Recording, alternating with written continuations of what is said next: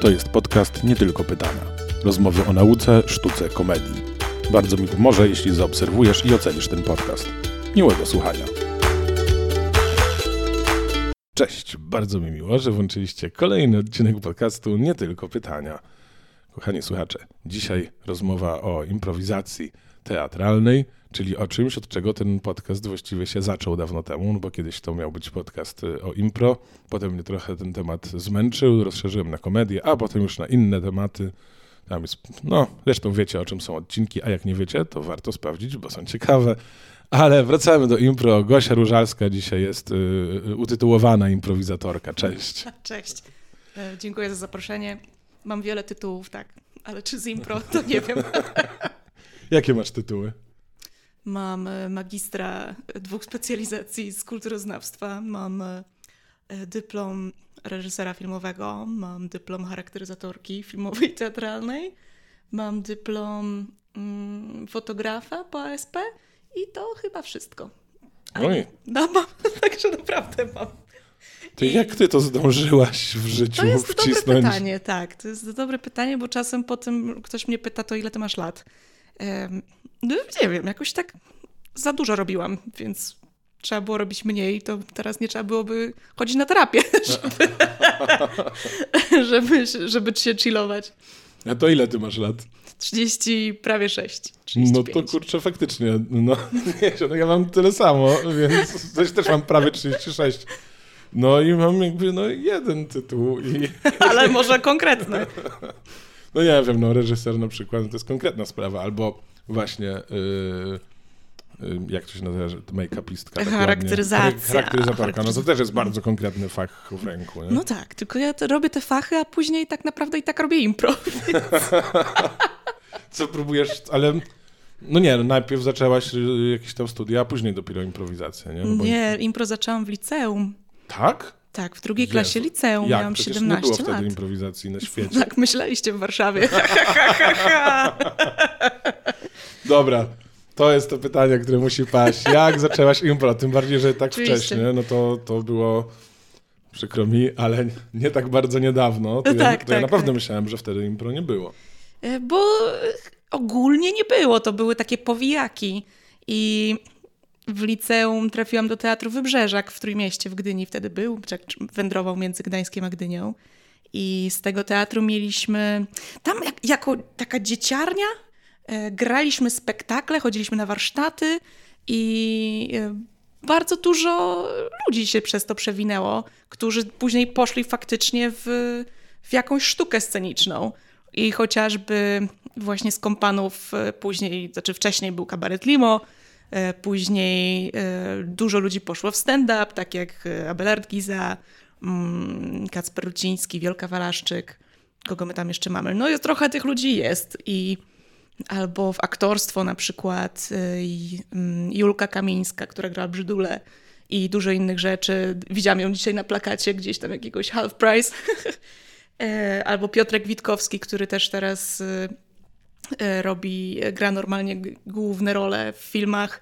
Albo Lena Góra, która dostała y, kilka dni temu nagrodę za najlepszą główną rolę żeńską na festiwalu w Gdyni. Więc y, super był ten młodzieżowy teatr, bo dał nam faktycznie y, jak- jakieś nie tylko narzędzia, ale też y, miłość do tej sceny. I em, i jedną z, z cech Wybrzeżaka było to, że była współpraca ze Stanami, z University of Northern Iowa i mieliśmy wymiany z nimi. Z Polski, z Wybrzeżaka jedna osoba jechała tam na rok, a od nich pięć osób czy kilkoro studentów razem z- reżyserem przyjeżdżali na miesiąc i robili z nami spektakl. I stamtąd przyjechało do nas impro. Taka była ta droga. I ja trafiłam, i było też tak, że jak ktoś wracał z tych Stanów, to coś miał czymś się dzielić z resztą wybrzeżaków. No i wrócił z takiej wymiany właśnie Szymon Jachimek i mówię, słuchajcie, tam było super, było to impro, także może, może takie warsztaty. No i tak się złożyło, że ja jako ta siedemnastolatka akurat na nie trafiłam. I e, w taki sposób, że wcale nie chciałam na nie iść, tylko moja przyjaciółka powiedziała, że ona nie chce iść sama. Więc ja jestem tą osobą. Ja, ja też tak miałem. Tak? Y, tak, tak, też moja znajoma nie chciała iść sama, ja poszedłem Mhm. do towarzystwa i potem na parę ładnych lat tam wsiąkłem w to. Czyli co, na początku was uczył Szymon Jachimek? E, znaczy nas, no. To jest tak, że dużo było e, impro w Wybrzeżaku i tak, przez tą stałą współpracę ze Stanami, Więc były jakieś tam mecze wcześniej, było dużo ćwiczeń impro, które się przeplatały przez różne typy warsztatów, ale takie stricte z impro to przez chyba dwa lata prowadził Szymon, a potem po prostu y, ja je przejęłam jako naczelny kujon, bo już wtedy byłam kujonem. I, no i tak już zostałam. I to było te paręnaście lat temu. I teraz już chyba 16 rok będę prowadzić, y, zaczynam 16 chyba sezon warsztatów na Uniwersytecie Gdańskim więc czuję się dosyć staro. Kiedyś dostałam nagrodę rektora za dobre oceny i prowadzenie impro, a teraz, a teraz patrzę na ludzi, którzy przychodzą, na studentów i mam takie, Boże, co to za dzieci są? Czy to ja jestem stara, czy oni młodnieją? No wiem, tak, pamiętam jak na studiach na pierwszym roku tak patrzyłem na tych na ostatnim roku, że tacy dorośli strasznie. Tak, tak, tak, tak, no. Więc stąd to się wzięło i Mm, no i mieliśmy grupę w Gorącej Wodzie Kompanii e, po jakimś tam czasie i kilka lat sobie działała. Potem tak naprawdę teraz prawie wszyscy wybrzeżacy, znaczy kompanii dalej e, działają w Imbro, tylko w różnych miastach, w różnych strukturach. I... Mm, I co w związku z tym? Aha, i jak się, jak się rozwiązała tam ta grupa, to myślałam, że to już w sumie tyle, co by było, bo też za wiele się nie działo te środowiska się dopiero zaczynały rozrastać, ale wtedy trafiłam do Ohany, takiej tej międzynarodowej grupy, w której jestem i się okazało, że świat jest bardzo duży. I do teraz y, robiłam to impro już w 20 krajach, myślę. No nieźle. Chyba tak. Pewnie licząc Polskę. No to nieźle, nieźle. Y, y, dużo wątków poruszyłeś, o które chcecie dopytać, Dobrze. ale zanim wyłączą nas ludzie, którzy w ogóle nie wiedzą, co to jest impro, też mnie bardzo ciekawi, jak odpowiesz na to pytanie. Co to jest impro? Impro jest to. Um, dobre pytanie. Impro jest to forma teatru improwizowanego, e, której tej formy można używać narzędzi do działań scenicznych i do działań pozascenicznych, dlatego że poprzez improwizację Możemy tworzyć spektakle na poczekaniu z udziałem widowni lub bez udziału widowni, biorąc jakąś sugestię bądź nie biorąc jej, a również możemy wykorzystywać narzędzia typu słuchanie, komunikacja, budowanie relacji itd. tak w środowiskach y, pozascenicznych, tak zwany applied improv, improwizacja stosowana, która tak naprawdę przydaje się każdemu, kto musi się komunikować z drugim człowiekiem albo działa w jakimkolwiek zespole. I czy improwizacja, właśnie impro jest zawsze komediowa? O, jakież podstępne czy pytanie. Jest, czy, czy, to jest dziedzina komedii? um, i to jest tak jak z prostokątem i kwadratem, wiesz, no, no, jest dziedziną komedii, ale również jest dziedziną teatru, więc może być, można do niej podejść tylko od strony komediowej, a można podejść bardziej dramatycznie. Poza tym też wydaje mi się, że e, komedia jest um, postrzegana często jako same śmieszki, a przecież na ilu komediach patrząc przez pryzmat filmu się też płacze i wzrusza. Więc to, że coś jest komediowe, nie znaczy, że w ogóle nie jest poważne, bo jeżeli e, jest to, mm, jeżeli jest to, to dobra komedia, to, to też potrafi i wzruszyć i mieć e, moment, w którym się zastanowimy i będzie nam smutno. A widziałaś dużo realizacji dramatycznego impro? Takiego w ogóle niekomediowego? Mm. Zawsze jest jednak ten element komediowy, wydaje mi się. Nawet jeżeli się gra poważne sceny, nawet jeżeli ludzie płaczą, to mimo wszystko przez ten element spontaniczności i szczerości mm, ludzie naturalnie się śmieją. Nawet w momentach, które wcale nie są żartem, ale są albo jakimś mm, spuszczeniem powietrza, albo jakąś po prostu pomyłką, albo potknięciem, to, to i tak się zaśmieją, ale są. E, na pewno widziałam takie, które były bardziej dramatyczne niż komediowe. A z czego to wynikało? Na przykład z klimatu, tak jak teraz myślę sobie, co mogło takiego być. To na festiwalu Impro Berlin graliśmy na przykład taką formę e, radiową Czyli byliśmy na, na scenie, ale widzowie mogli sobie patrzeć albo zamknąć oczy, bo mieliśmy nie odgrywać e, fizycznie tego, co, co się dzieje, tylko głosem, żeby było to jak audycja i mieliśmy um, takiego udźwiękawiacza, jak to się mówi po polsku, nawet po angielsku nie wiem. W każdym razie był dźwiękowiec, który miał całą górę analogowych narzędzi, przyrządów do, e, do tworzenia dźwięków, typu kroki na piasku i jakieś skrzypienie drzwi i w ogóle. I to przez, przez to, jak ważny był klimat dźwiękowy, było mniej komediowe. Nadal były te sytuacje, bywały bardzo śmieszne, ale jednak widzowie, kiedy tak się zagłębią bardziej w klimat, w te, na przykład w teatralność, to też potrafią mniej reagować śmiechem, a bardziej być skupieni, co też bywa złudne, bo potem nam się wydaje, że było niefajnie na przykład, bo się, bo się nie śmiali na głos, a później na przykład biją brawo na bis. No, tak, no ja lubiłem te, te formy radiowe faktycznie. Te, to jest taki inny rodzaj skupienia, ale też mi się wydaje, że, że czasem to bywa złudne, bo zagrasz spektakl nieudany i sobie mówisz, to była sztuka. No tak, o to, to nie chodziło o to, żeby się śmiali. chodziło o to, żeby pomyśleli.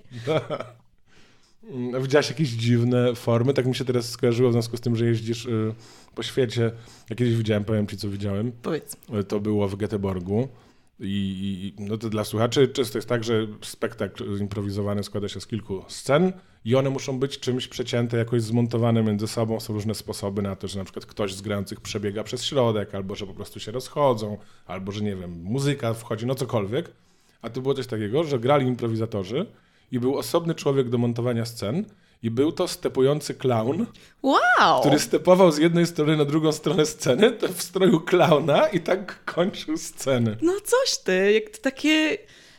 Tak jak czasami w kreskówkach było, że się taka długa laska wyciągała i tak ściągała kogoś ze sceny. To mi się tak kojarzy. Fajne. Co ja dziwnego widziałam? Hmm, niech no pomyślę to nawet w Polsce pamiętam, że dziwne, jedna z dziwniejszych rzeczy, co zrobiliśmy, to było na festiwalu Tak i w, w Mosznej, w takim pałacu, gdzie zrobiliśmy um, wieczór strachów i każda sala, każdy pokój miał inny temat i improwizatorzy tam grali na poważnie, na strasznie.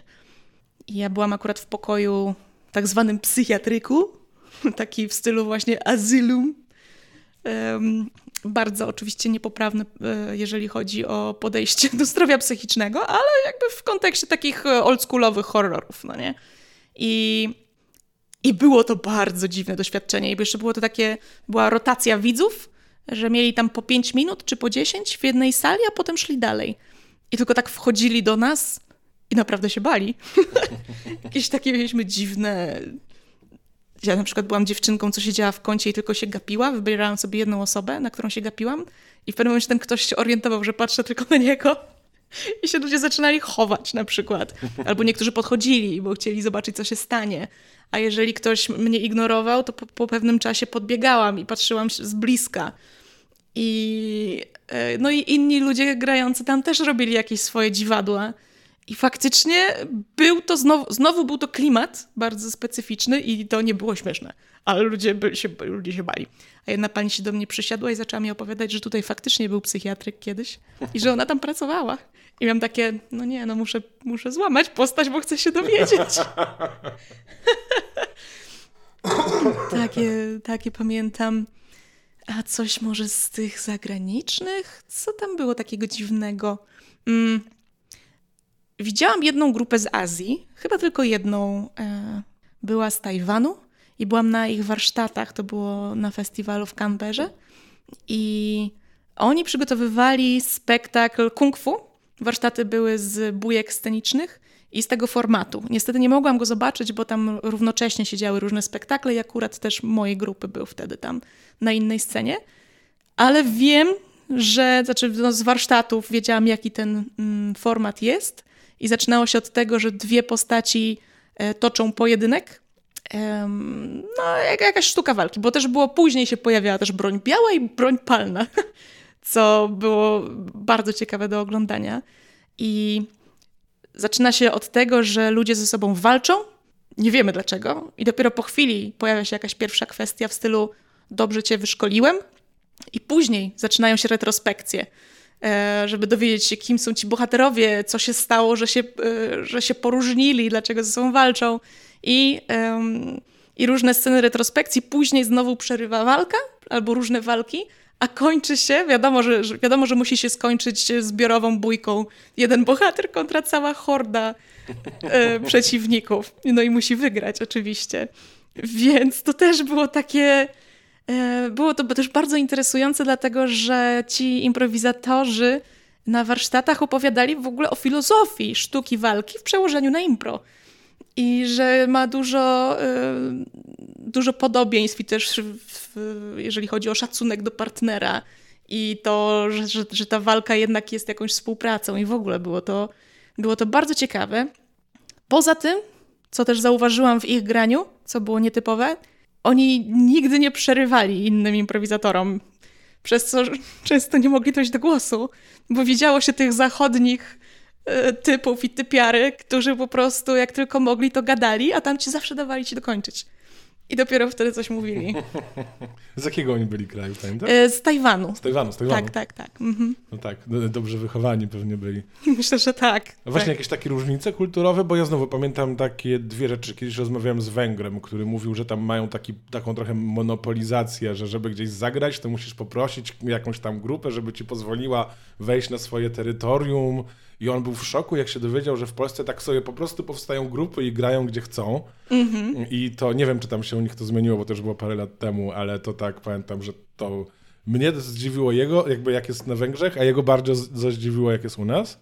I też pamiętam, że jeden z instruktorów ze Stanów jeździł po całym świecie i mówił, że w Chinach y, jest ten problem w uczeniu. Znaczy nie jest problem, tylko jest różnica kulturowa, że jak on uczy komedii, to bardzo często jeden z takich rodzajów osiągnięcia tego efektu komicznego to jest to, żeby się bohater cierpiał. W związku z tym trzeba mu robić niemiłe rzeczy. A oni nie chcą robić ludziom niemiłych rzeczy, bo uważają to za nieśmieszne o i nie. za niefajne. I tak, ale dlaczego mamy się śmiać, jak jemu jest niedobrze? O Jezu! I że to, i to taka była, jemu to jedną trzecią, mówił, że dokładnie jedną trzecią jakby sposobów komediowych mu to w ogóle wycięło. O rany! E, jest dużo różnic. Jest to z jednej strony, jak się patrzy na improwizatorów e, w jednym miejscu z różnych krajów, to widać, że nie, nie da się oceniać nacji po improwizatorach, bo oni są już jednak skrzywieni w taki sposób, że um, ja na przykład mam wrażenie, jakby słuchajcie, no jakby nie obrażając Holendrów, ale bywają niemili. I nawet w Tedzie Lasso jest Holender, który jest bardzo, mówi bardzo wprost, co myśli i wszyscy mają takie, stary, nie możesz tak mówić, jesteś niemiły. E, ale jak masz, Hole jak masz Holendrów, e, improwizatorów, to nadal są e, w charakterze improwizatorów, no nie? I tak samo jeżeli na przykład masz improwizatorów z USA, no to mimo wszystko trochę bardziej słuchają niż mówią oh my god, I love you so much. E, I mm, na przykład e, ja kocham bardzo Finów. I Finowie są, tak jak sami o sobie mówią, że są bardzo chłodni i bardzo trzymają dystans społeczny. I powiedziała mi jedna Finka ostatnio, że nie mieli problemu z COVID-em, bo oni tak nigdy do siebie nie podchodzili. Więc się nie zarażali.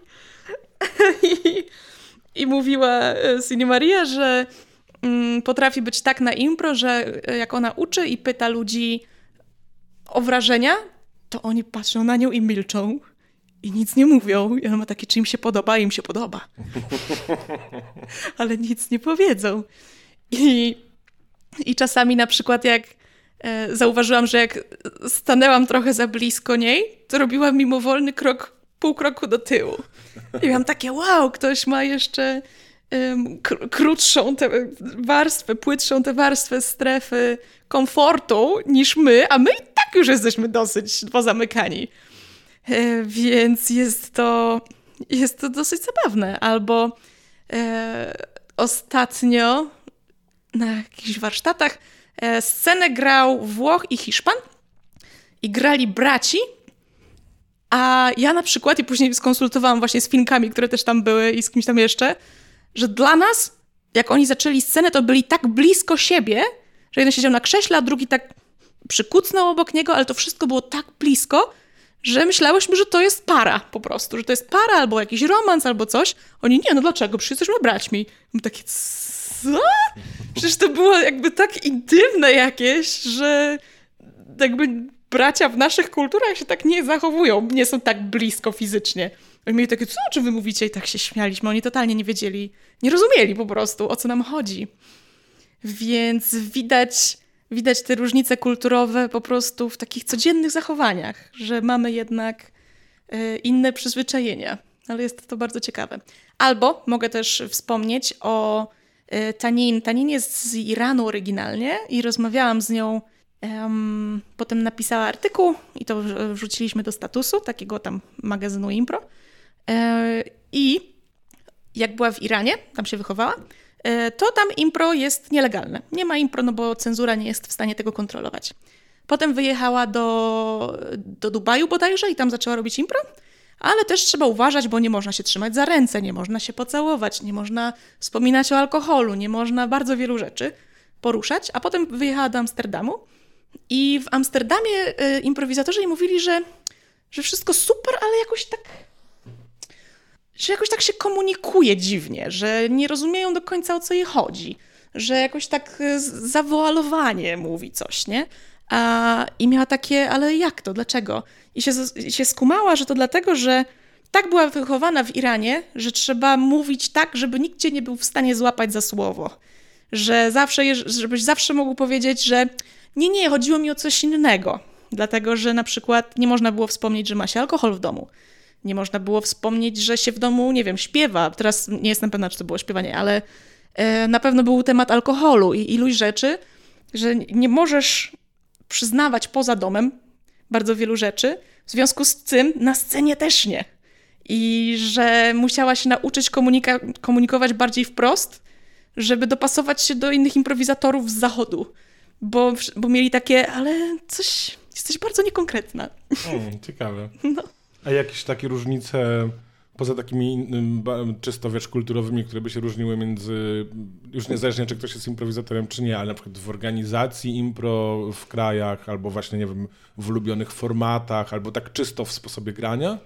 Mhm, tak, jak najbardziej. E, z tego co pamiętam, to we Włoszech też była impromafia. Oczywiście, tak, no bo, no bo gdzie miałaby być, jak nie tam. E, i że też było to impro scentralizowane, że ktoś tam przywiózł i później wydawał papiery pozwalające na robienie impro. E, ale to też już się zmieniło jakiś czas temu, z tego co wiem. E, ale na przykład we Francji, jeśli dobrze, dobrze pamiętam, to tam na początku robią bardzo dużo fizycznych scen, żeby się przyzwyczaić do, tego, do tej fizyczności. No i też widać w ich graniu, no i to mają tą całą tradycję klaunady, a we Włoszech mają komedię dell'arte, która też jest mocno, postaci są takie mocno karykaturalne. I e, południowcy są bardzo fizyczni i głośni. I to jest tak. Jak uczyłam we Włoszech, to jeszcze było tak, że e, dla nich oczywiste jest to, że grają po włosku na warsztatach, mimo że ja nie mówię po włosku. Po prostu załatwiają mi tłumacza, zamiast grać po angielsku. I ja tylko oglądałam sceny po włosku i tłumacz mi na przykład mówił, ja miałam takie, jak, jak mi nie mówili, to miałam takie, dlaczego oni są źli? oni nie byli źli, oni po prostu mają taką ekspresję, no nie? I są bardzo głośni. Um, I właśnie Francuzi są często bardzo fizyczni. To są takie ogólniki. E, wiadomo, że to nie wszyscy tak, nie wszyscy tak mają, ale można by to tak zauważyć że no u nas na przykład dużo gramy słowem i mało się ruszamy. Jesteśmy ma dosyć mało ekspresyjni jako, mm. jako nacja. Takie typowe zdjęcia z występu impro, że tak dwie osoby stoją naprzeciwko siebie tak, tak. i tak mówią. Tak. nic więcej. Nic więcej. Nie, jakby to można zrobić jedno zdjęcie z występu i, i starczy. Bo wiadomo, że inne nie będą ciekawsze. no, także jest, tak. Um, jeżeli chodzi o formaty, to Y, też y, różne nacje mają swoje, mm, swoje trendy. Tak jak mamy no, jakieś tam Haroldy, no to wyszły z Chicago i, i gdzieś tam się gnieżdżą. Ale na przykład we Francji mają bardzo dużo e, impro meczy, meczów, meczy? Nie wiem. E, ale dużo takich rywalizacyjnych, meczowych formatów Mm, Takie bardziej krótkie gry, tak? Takie mhm. krótkie formy. Tak, i że na przykład mają. Wiem, że w Słowenii jest liga impro. Nawet kiedyś w Polsce była próba podjęcia czegoś takiego, ale to um, mimo wszystko u nas większość ludzi, przynajmniej w te ileś lat temu, mm, nie była zainteresowana rywalizacją. I w tym ja na przykład, bo też miałam takie. Mm, nie przepadam za rywalizacją w impro, tyle rzeczy jest innych rywalizacyjnych wokół, że po co jeszcze z tego ze sztuki to robić. I ja rozumiem, po co to jest, żeby było dla widzów ciekawiej, że jeszcze jest element e, igrzysk i krwi i, i w ogóle. Um, ale tak, że są na przykład, to w ogóle w Słowenii tak sobie wypracowali, że mają w szkołach impro. E, no. Mhm, tak, normalnie. Mm, e, no Słowenia też jest malutkim krajem, ale mimo wszystko to też jest wyczyn więc to jest super. Mm, co tam jeszcze mamy takiego? Jak jest z impro w Niemczech? Jest go bardzo dużo. Mają bardzo dużo festiwali, które są bardzo dobrze zorganizowane. I to jest prawda, ale też na przykład, i na, naprawdę duże miasta, małe miasta mają swoje festiwale i są bardzo dobrze zorganizowane, e, ale bardzo się śmiałam, kiedy byłam na festiwalu w Karlsruhe i wiadomo było, że w tam schronisku młodzieżowym, gdzie byliśmy zakwaterowani, śniadanie było o jakichś tam konkretnych godzinach, że już się zaczynały warsztaty chyba, coś tak się pokrywało trochę, więc reakcja organizatorów to było przesunąć warsztaty, ale nie na później, tylko na wcześniej. Z 10 na 9.30 bodajże na festiwalu. I miałam takie, co, dlaczego, nie róbcie tak. I no bo co, nie wstaną ludzie? No wstali, wstawali. Albo, mm, albo też na festiwalu w Berlinie yy, dowiedziałam się, że moje warsztaty są po imprezie finałowej, jakby w, tam, tam w niedzielę, też o jakiejś dziesiątej. I miałam takie, Boże, przecież nikt nie przyjdzie, będą na pewno wszyscy schlani i, i, i będą spać. Nie, wszyscy wstali, przyszli na czas. A we Włoszech czekasz pół godziny i dopiero po pół godziny y, zaczniesz, bo się tak złażą. I organizatorzy mówią, że na przykład, no, że tam to się przygotuj, że, że nie zaczniemy o czasie, tylko tak z 20 minut po najwcześniej. Ja mam takie, ale to jest warsztaty trwają 3 godziny. Ty chcecie obciąć pół godziny, dlatego że się grzebiecie? Oni tak nie rozumiem, o co ci chodzi. Albo że muszą mieć długą przerwę i siestę w środku dnia, jak są całodzienne warsztaty. Bo Włosi na przykład też lubią całodzienne warsztaty i takie robią sobie takie festiwale, gdzie to są takie festiwale warsztatowe, że masz trzy dni warsztatów, a na koniec po prostu są pokazy powarsztatowe, plus na przykład e, występ trenerów. Ale że lubią tak wyjechać, się zaszyć i sobie zrobić taki właśnie weekendowy festiwal, ale tak naprawdę są to takie kampy. A masz jakiś ulubiony festiwal na świecie? O. Lubię różne z różnych powodów, ale jeżeli miałabym wskazać, to na przykład um, festiwal w Seattle i też festiwal w Berlinie, który jest wzorowany na nim, ma bardzo fajną formułę taką dla nerdów, czyli dla mnie. Więc y, jest to, że siedzisz y, cały tydzień, pracujesz nad nowymi formatami z ekipą e, ludzi zaproszonych, więc nie są to grupy, tylko są to improwizatorzy, którzy na, na czas festiwalu tworzą ten ensemble, tą obsadę festiwalową i się tłucze się po prostu konkretne tematy i później z tego się przygotowuje spektakle albo formaty, albo na przykład jak byłam w Seattle, to było tak, że tematem była władza, siła, a mieliśmy mm, ściągniętych dwóch trenerów z rzeczy, które nie były stricte impro, czyli Theatre of the Oppressed, e, Teatru Ciśnionych chyba po polsku, wydaje mi się, z którego wychodzi też Teatr Forum, więc przerabianie jakichś tam społecznych problemów na scenie. I viewpoints, czyli taka forma teatru tańca z różnych, e, jakby w, w kontekście na przykład tego, że my jako improwizatorzy mamy jakąś relację typu odległość, takie fizyczne elementy, tempo, architektura wokół. I łącząc właśnie Theatre of the Oppressed i łącząc Viewpoints i jeszcze temat y, siły i władzy, robiliśmy jakieś tam miksy, wymyślaliśmy formaty, plus jakieś tam E, inne, bardziej typowe rzeczy i były na przykład trzy występy pod rząd, e, więc jednego wieczoru byłam tam od 19 do 1 w nocy na scenie. I dla mnie to jest super, bo jeżeli jest mnóstwo, mnóstwo roboty i takie właśnie zagłębienie się w czymś, z ludźmi, których nie znasz, ale masz teraz jak kolonie trochę. No. Masz takie kolonie po prostu z tą ekipą i musisz coś tworzyć. I w Berlinie też jest tak, że by, było się przypisanym do jakiegoś formatu, na przykład do Szekspira albo właśnie do tego radio play, mm, tej sztuki radiowej. I się robiło dwa dni po kilka godzin przygotowań. Drugiego dnia się robiło występ i następnego dnia się robiło drugi występ tego samego. Dlatego, że też były spektakle w tym samym czasie w różnych miejscach, więc żeby dać widzom szansę e, zobaczyć e, na przykład jednego dnia to, a drugiego tamto. E, minus tego był taki, że nie było się w stanie nic obejrzeć, jak się mm. grało, tylko to, w czym się grało, no bo równocześnie działy się inne rzeczy. Ale także lubię takie festiwale, które są bardzo nastawione na stworzenie czegoś nowego i na y, mieszankę ludzi, którzy normalnie ze sobą nie grają. A wspomniałeś jeszcze wcześniej o tym, że to polskie impro to jest takie, że tak ludzie tylko gadają do siebie. Masz jeszcze tak. Czy przychodzą ci do głowy jeszcze jakieś różnice między impro w Polsce a impro na, na świecie? Jest coś specyficznego dla Polski? Hmm.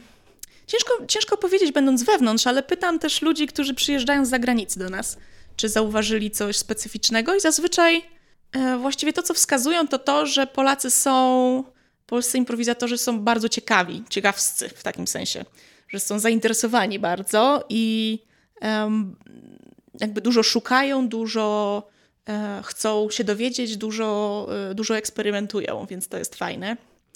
Mm, wydaje mi się, że impro mm, przechodzi różne fazy i tak jak obserwowałam sobie polską scenę impro od początku, to na początku mieliśmy fazę taką właśnie gier głównie, później było o, długie formy można robić, no to długie formy, a gry są głupie. Potem było, że no dobra, może jednak nie są głupie, może też je pograjmy. Mm, I niedawno, kilka lat temu był taki, myślę rok czy dwa, kiedy nagle ludzie się zainteresowali musicalem. E, teraz jest taka faza, myślę, spora jeszcze. E, nie taka ogólnopolska, ale widzę dużo przebłysków e, pracy nad gatunkowym impro. Więc mhm. jest dużo takich właśnie impro, czy to Tinderów, czy mm, tajemniczego morderstwa, i że faktycznie ludzie kombinują. I to impro też jest coraz bardziej jakieś, bo przez długi czas to było po prostu impro i robimy po prostu impro. A teraz już są grupy, które się na przykład specjalizują trochę bardziej w jakimś stylu, albo w jakimś e, klimacie, albo są po prostu dedykowane e, jakiemuś gatunkowi. Więc to jest ciekawe, bo się robi coraz bardziej różnorodnie, a nie po prostu grupa impro, która gra impro. Tak, no to też rynek to wymusza, bo inaczej nikt nie przejdzie na swój spektakl. Ale no, w Warszawie ten musical improwizowany w klubie komediowym Oli Markowskiej od jakiegoś czasu, on faktycznie zarażał ludzi tą siłą y, y, muzykalu improwizowanego i potem ci wszyscy ludzie chodzili na warsztaty i kojarzysz maratki, te wyjazdy improwizowane, tak. nie? No właśnie, to są takie kolonie. Mhm. I tam tylko się coś działo, nie wiem, podają ser na śniadanie i ludzie ser na śniadanie, ser na śniadanie, ser na śniadanie, pyszny jest, ser na I po prostu, i, i wszystko. Deszcz zaczyna padać. O, deszcz pada. Jezus Maria, myślałem, że umrę. Wszystko cały czas było śpiewane. E, I właśnie to, to, poza, poza warsztatami, ale też to, to gatunkowe impro, to jest w ogóle mega przyjemne do grania, nie? Tak. Teraz to się jakoś tak robi, jakieś dawno temu, ale to nie jest, jakby nie przypisuję sobie zasługi, to nie ja to wymyśliłem, ale dawno temu, jak jeszcze mieliśmy grupę Hulaj, to graliśmy horror mhm. i teraz wiem, że ktoś tam w resorcie też gra horror to się tak przyjemnie grało, w sensie, że ten gatunek trochę cię prowadził za rękę. Mm -hmm. Można było też ludzi wystraszyć, a nie tylko rozśmieszyć. No mega to było fajne, no, strasznie przyjemne. Ja bardzo lubię pracę nad konwencjami, taką przygotowawczą, właśnie rozgrzebywanie tego gatunku e, wyłapywanie tego, jaki, o czym on tak naprawdę jest, bo często gatunek ma jakieś swoje, jakąś swoją myśl przewodnią, typu jak mamy science fiction, to zazwyczaj dotyczy tego, czym jest, lud, czym jest człowieczeństwo. Typu właśnie, czy, czy ta maszyna, czy człowiek, jakby, albo filmy postapokaliptyczne, również to, czy, czy ważniejsze jest przeżycie, czy, mm, czy jakby prze, przeżycie jako survival, a, a, a przeżywanie. E, co, znowu, co czyni, co czyni nas człowiekiem albo że fantazy, no to tam jest ta siła. Mm, siła drużyny pierścienia i w ogóle i zazwyczaj jest to ratowanie świata, że e, one zawsze mają jakiś, e, jakiś taki e, głęboki sens, ale opowieści są po prostu również mają stylistyczne różne swoje, swoje cechy, ale też właśnie w treści. I ta, jest, to, jest to super praca, jak dla mnie. Ja bardzo lubię takie właśnie wyłapywanie. O, i na przykład w zeszłym roku mm, grałyśmy z dziewczynami z siedmiu kobiet w różnym wieku na festiwalu szekspirowskim w Gdańsku, na takim rozgrzewce przedfestiwalowej. I organizatorki po prostu powiedziały mi, że chciałyby jakieś impro szekspirowskie, bo tam kiedyś e, już parę razy i uczyłam i z kompanami tam grywaliśmy szekspirowskie impro. I zapytałam je po prostu, czy na przykład jest są jakieś tytuły e, tegoroczne na afiszu festiwalowym, e, bo wtedy możemy przygotować format inspirowany daną sztuką Szekspira. No i był to Hamlet i była to Burza, więc przygotowałyśmy dwa formaty, analizując po prostu te E, te sztuki.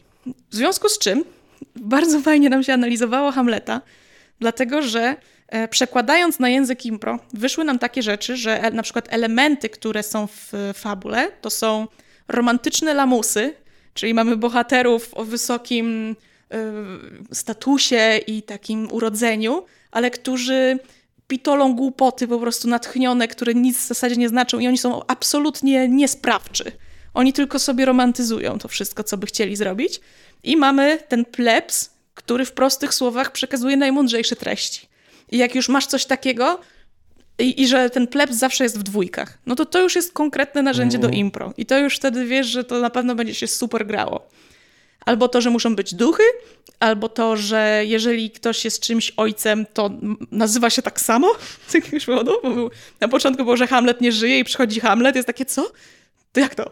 A to jego ojciec też był Hamlet, no nie? I, i właśnie wyłapywanie tego, bo to, że na początku wtedy pytamy widzów, e, mówimy, że na koniec na pewno wszyscy muszą zginąć. E, jak? No nie? I że po prostu e, dali nam to, jak, jak na koniec, że jeszcze nie wiemy jak, nie wiemy, jak do tego dojdzie, ale wiemy, że na koniec wszyscy muszą zginąć z, z jakiegoś powodu i jaki to powód.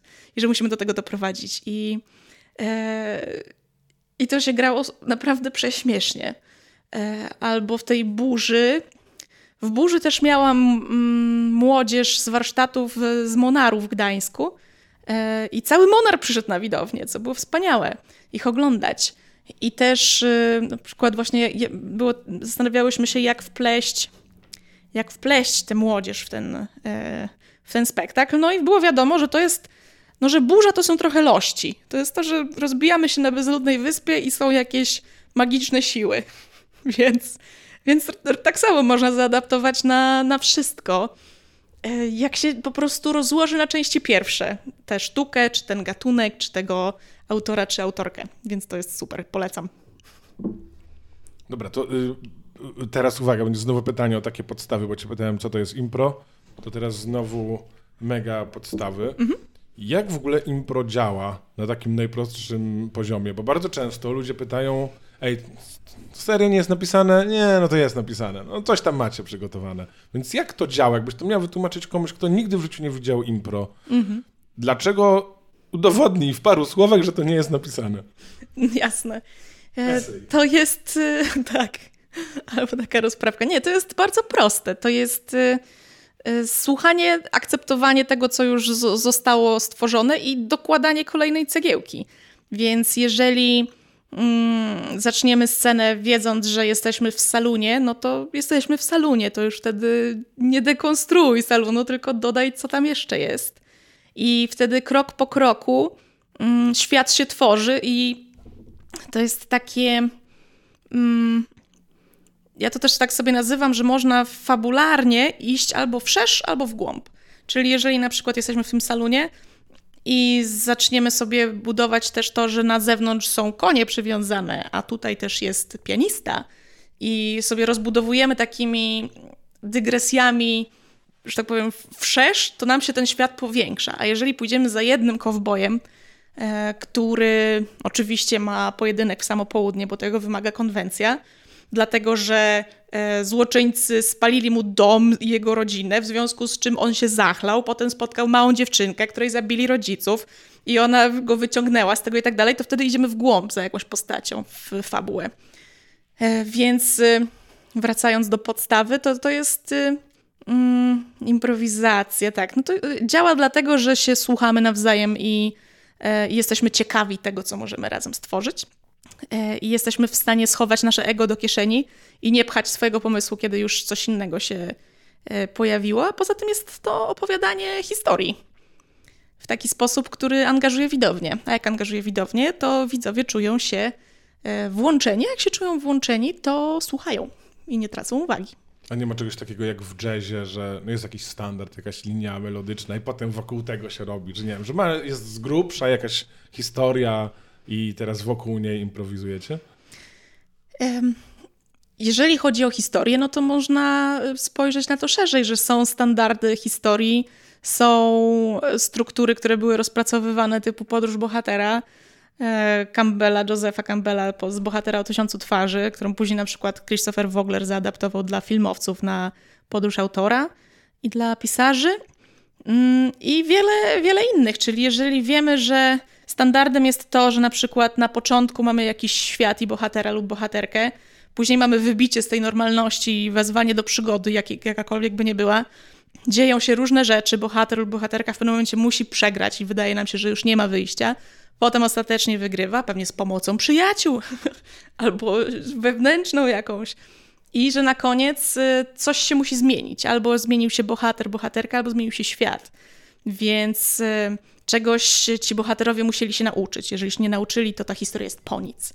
Więc jeżeli wiemy, że często wystarczy wiedzieć, że bohaterowie muszą czegoś chcieć.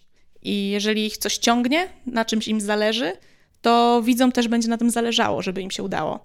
I jeżeli będą się potykać po drodze, ale będą dalej, dalej szli, no to widzowie też będą dopingować, bo widzowie chcą, żeby nam się udało, ale też chcą zobaczyć, jak cierpimy. Chyba, że są Chińczykami. To jest w ogóle też fascynujące, ten off-top. Czytałem ostatnio o tym, że z kolei w sitcomach się coś dzieje, dzieje, jest jakaś duża zmiana, ale finalnie musi dojść do tego, że jest dokładnie to samo, co było na początku, mm. dlatego że tak się po prostu łatwiej pisze. Że możesz stworzyć kolejny odcinek, że już masz te postaci, wiadomo, że ten A. jest bezrobotny, ten głupi, ten mądry, i nawet jeżeli ten bezrobotny zyska super pracę w odcinku, to i tak ją musi stracić na koniec, żeby nowy odcinek można było napisać od zera. Że żeby można wraca... było sobie obejrzeć jakikolwiek tak, odcinek Friendsów i tak. się bawić. No, mm -hmm. I to mhm. jest ciekawe, ja teraz oglądam Big Bang Theory i tam tak jest, że dzieją się jakieś rzeczy, o Boże, ktoś wyjedzie w ogóle do innego miasta i ja już wiem, nie, nie wyjedzie, bo ten serial by się posypał. On, tak. Coś się wydarzy, choćby w ostatniej minucie i on jednak zostanie. Mm -hmm. Tak, tak. Więc jeżeli się jeżeli się ma z tyłu głowy jakąś taką świadomość tego, jak te historie można konstruować, to, mm, no to się do tego sięga, ale po prostu i tak się do tego sięga, tylko albo się to robi podświadomie, albo nieświadomie, albo świadomie. I to nie znaczy, że jest to w jakiś sposób przygotowane, tylko po prostu, że ludzkość opowiada historię w konkretny sposób, no bo to też zrobił właśnie Campbell w Bohaterze o tysiącu twarzy, że analizował po prostu różne historie i wyłapywał te elementy wspólne. A to się przyjemniej robi? Gra impro czy ogląda impro? Zależy. Zależy, bo też możesz, e, nie, nie, musisz lubić każdego impro na przykład. Jeżeli grasz impro, to zazwyczaj grasz impro takie, jakie lubisz. Albo jesteś masochistą i grasz to, czego nie lubisz.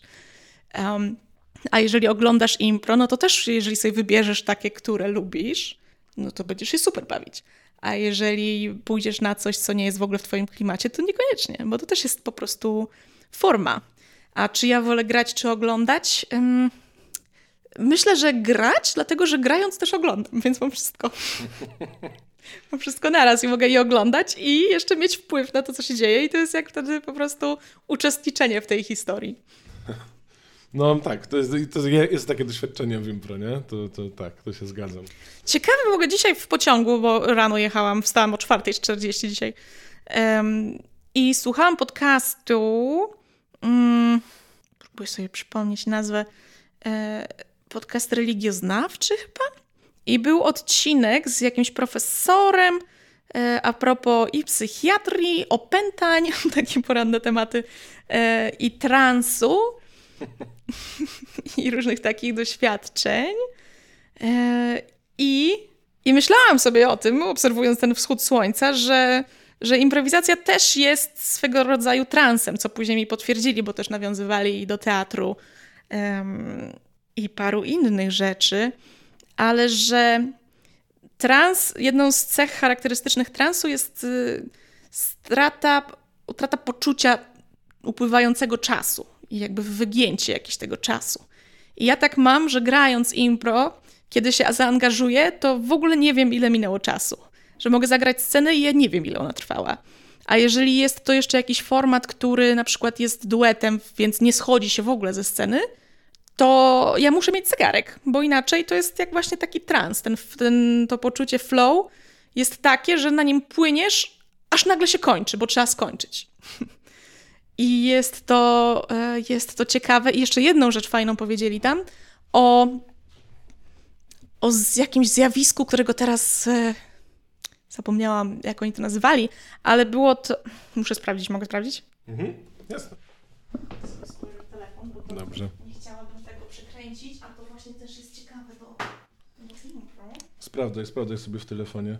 Wiesz co, ja kiedyś y, czytałem gdzieś, chyba to w ogóle na jakiejś Wikipedii angielskiej było, że improwizacja też y, zmienia świadomość, w sensie, że wchodzisz w taki stan świadomości trochę jak po jakichś narkotykach czy po czymś innym, w taki zupełny właśnie. No właśnie. Podobne to jest do tego transu, o którym tak, mówisz. Tak, tak, e, I ten, to hasło już zaraz doskroluję, bo komuś to wysyłałam dzisiaj. Spokojnie, skroluj sobie. A ja w tym czasie powiem słuchaczom, żeby subskrybowali ten podcast, obserwowali i, uwaga, y, dodatkowa reklama, y, Gosia też ma swój podcast, Kreatura. Polecam. Tak. Y, Więc, Dziękuję. Więc tak, bardzo nie, warto. niedługo będą nowe odcinki, które stanęły na pół roku. Tam jest parę fajnych rzeczy, zwłaszcza jakąś taką wyjątkowo interesującą dla mnie rzeczą są te wywiady z Władysławem Sikorą. A, Nie, no to to jest, to, to, to, Tak. to był jakiś początek, nie? tak, tak, tak. To był pierwszy, to była pierwsza taka rozmowa i to było w pandemii, e, kiedy nie mieliśmy co robić w ogóle. No, Więc pojechałam do Zielonej Góry po prostu, siedzieliśmy trzy dni na chacie i nagrywaliśmy rozmowy. tak, ale no Władysław Sikora, jak ktoś nie wie, to jest y, człowiek, który robił, uwaga, dobry kabaret, Tak, więc y, no ciekawy. tak, kabaret potem na przykład. E, Znalazłam mm, Mhm. mój termin, to jest zawieszenie niewiary. A, tak. suspension of disbelief, że, że na ten moment zawieszamy to, że to nie ma sensu, na przykład, albo że to jest niewiarygodne, bo chcemy przeżywać historię. I to jest dla mnie, miałam takie, kurczę, taki piękny termin, że teraz, nie, nie, teraz czas, zawieszamy niewiarę. Teraz będziemy wierzyć w tę historię o kosmitach na Marsie, bo chcemy się zaangażować i chcemy przeżywać tę historię, mimo że jest niewiarygodna. Także to jest też coś, co robi impro. I też coś, o, czym słuchałam dzisiaj rano. I w jakimś bardzo dużym stopniu w ogóle, nie? Bo właściwie każda historia coś takiego robi, no bo przecież nie ma duchów i nie ma, jak oglądasz Supermana, to przecież nikt nie jest taki silny jak Superman i nie jest tak, że jak się urodziłaś na innej planecie, to na Ziemi będziesz super silna, ale musisz to zawiesić. Ale Tak. w impro już się tyle rzeczy dziwnych dzieje, że już naprawdę musisz mega zawiesić niewiarę. Poza tym, że w impro nie ma też tej scenografii kostiumów, więc to wszystko musimy sobie jako widzowie stworzyć w głowie. Ten obraz tego, tego Supermana, tego jego kostiumu i tego, że on tam lata, bo przecież improwizator nie polata, bo nie ma lin. E, I, I tam już jest, naprawdę wszystko jest na wiarę, myślę, w impro. Także tam już jest bardzo duże zawieszenie niewiary. A co powiesz na takie moje improsceptyczne yy, stwierdzenie, że, że impro jest trochę jak cyrk, bo widziałem wielokrotnie ludzi, którzy byli pierwszy raz na występie improwizowanym i byli po prostu mózg wybuchł y, niesamowite i czasami to mógł być nawet bardzo zły występ impro. W sensie na przykład mój występ impro, który był bardzo nieudany i oni potem, ja schodzę się wstydzę, oni nigdy nic nie widzieli, podchodzą, wow, jak wyście to zrobili? A ja wiem, że to był naprawdę słaby występ. I potem tacy ludzie na przykład się wkręcają, chodzą na impro, chodzą, chodzą, chodzą, po prostu codziennie na czymś są i potem nagle przestają. Ja mam takie trochę porównanie, poza tymi wszystkimi sekciarskimi rzeczami, wiadomo, yy, że to jest trochę jak cyrk, w tym sensie, że jak pierwszy raz zobaczysz, że ktoś balansuje siedem kuleczek na jednym nosie i na górze jeszcze ma łyżkę z cukrem i to mu się nie wywraca, to masz taki wow, ale jak to zobaczysz setny raz, no to już wiesz, że to jest możliwe zasadniczo, już ci nie robi takiego i może chcesz zobaczyć coś jednak bardziej przygotowanego i ciekawszego, to w przypadku impro. Mm, więc co myślisz na temat takiej jakiejś mojej podstępnej refleksji? Mhm. Myślę, że to zależy od y, formy tego impro, dlatego że jeżeli na przykład mi się to kojarzy, y, rozumiem porównanie z cyrkiem, mi się to kojarzy z iluzjonistą, że swoją drogą y, polecam pana Lee, y, który jest, robi stand-up i robi iluzje i miesza to sobie. I ja odkryłam niedawno, bo też robi po prostu sztuczki, tak sobie jak siedzimy. I ja jestem największą fanką magii. Ja wariuję, jak on zaczyna robić sztuczkę z kartami najprostszą właśnie. I ja wtedy mam takie, nie wierzę, nie, jak on jeszcze ukradł mu zegarek, jak to? To jest niemożliwe. E, I on teraz na przykład sobie miesza i robi, e, ma postać e, żulionisty, żulionisty? Żulionisty, którą grał też przy okazji jakichś kabaretonów i robi trochę stand-upowo, trochę, trochę iluzji, to wszystko miesza. I to również może wynikać z, z, poszukiwania jakiejś ciekawszej formy. I z impro też tak jest, że jeżeli pójdziesz 10 razy na gry, to zobaczysz, że ludzie mają swoje schematy mimowolnie, albo to, że e, widzisz po raz dziesiąty grę spóźnienie do pracy i może nadal być śmieszna, jak ten kolejny odcinek Franców, bo wiesz, jak się skończy i że musi się udać, ale no mimo wszystko może chciałoby się coś innego. I jak dla mnie wtedy po prostu są te inne e, formy impro i że jeżeli pójdziesz na coś, co jest e, bardziej mm, skupione na storytellingu i mamy jakieś opowieści, to wtedy jest jak pójście do kina bardziej. Tylko wtedy to też trzeba jednak mieć jakąś świadomość tych historii, budowania historii, żeby to faktycznie też było wciągające, żeby to była ciekawa historia. No bo też e, do tego dochodzi jeszcze wskaźnik jakości, no, że jeżeli będziesz chodzić na średnie impro, no to po 10 już stwierdzisz, że każdy jest takie samo, bo średnie impro i słabe impro jest takie samo. A jeżeli już jest coś bardzo dobre, no to wtedy z jakiegoś powodu cię wciąga. Albo jest to dobrze zagrane aktorsko, albo ma, jest dobre e, scenopisarsko, że tak powiem, w cudzysłowie, no bo jakby piszemy na bieżąco. Albo Mm, albo jest bardzo śmieszne, bo czasem no, lubimy na przykład kogoś oglądać albo jakąś grupę, bo po prostu nas bardzo bawi. Więc to jest kwestia też tego, co, czego szukasz w tym. Jeżeli chcesz po prostu zobaczyć impro i zrobić, o Jezus, to jest improwizowane, no to w pewnym momencie ten czynnik jednak już się opatrzy. Niezależnie od tego, co byś robił. Ale na przykład dlatego, wtedy, dlatego też super jest zobaczyć grupy um, z innych krajów, bo style grania są bardzo różne i podejścia do tego, y, do tej sztuki są bardzo różne. I możesz sobie zobaczyć y, na przykład flatronsów, Francuzów, którzy grają jak bracia Dal braci Daltonów bez słów, tylko z różnymi y, dźwiękami, albo Speechless to jest, a propos cyrku, Speechless to jest kolumbijski duet i jeszcze jeździli z DJ-em. Daniel Orantia i, i, i, i um, Felipe Ortiz. E, I Felipe jest artystą cyrkowym na przykład. Jest, e, jest drobnej postury i, i robi nieziemskie rzeczy ze swoim ciałem na scenie. E, a Daniel jest bardzo wysoki i wyglądają jak takie kreskówki. Ale to, co oni potrafią zagrać ciałem, bo nie mówią w ogóle w tych swoich e, występach, właśnie speechless, e, wszystko wokół robi muzyka, robi DJ. E, ze swoimi różnymi dźwiękami, z muzyką. I widzisz to wszystko, bo to jest nieprawdopodobne, co oni potrafią pokazać samym ciałem, bo na przykład ziomek jest cyrkowcem. I tego nie zobaczysz w polskim impro, bo nie mamy cyrkowców. Przynajmniej tak mi się wydaje, a na pewno nie tak wyszkolonych. Więc y, to, że można pójść na Brytoli, na The Maydays, którzy zagrają musical uh, Happily Never After, który jest w klimacie Tima Bartona, tych takich mrocznych jego filmów. E, I to też będzie jakieś. I jeżeli zobaczysz 10 razy Maydaysów Happily Never After, to też w pewnym momencie już możesz mieć takie, no dobra, no ale to wiadomo, że będzie piosenka grupowa, wiadomo, że będzie jakiś bohater, który coś tam, wiadomo, że typy postaci mogą być podobne, bo są w tym gatunku. No ale wtedy możesz sobie pójść na Speechless, albo możesz sobie pójść na e, coś jeszcze zupełnie innego. Więc to myślę nie jest kwestia impro, bo to jest tak jakby powiedzieć, czy, czy kino ci się nie nudzi.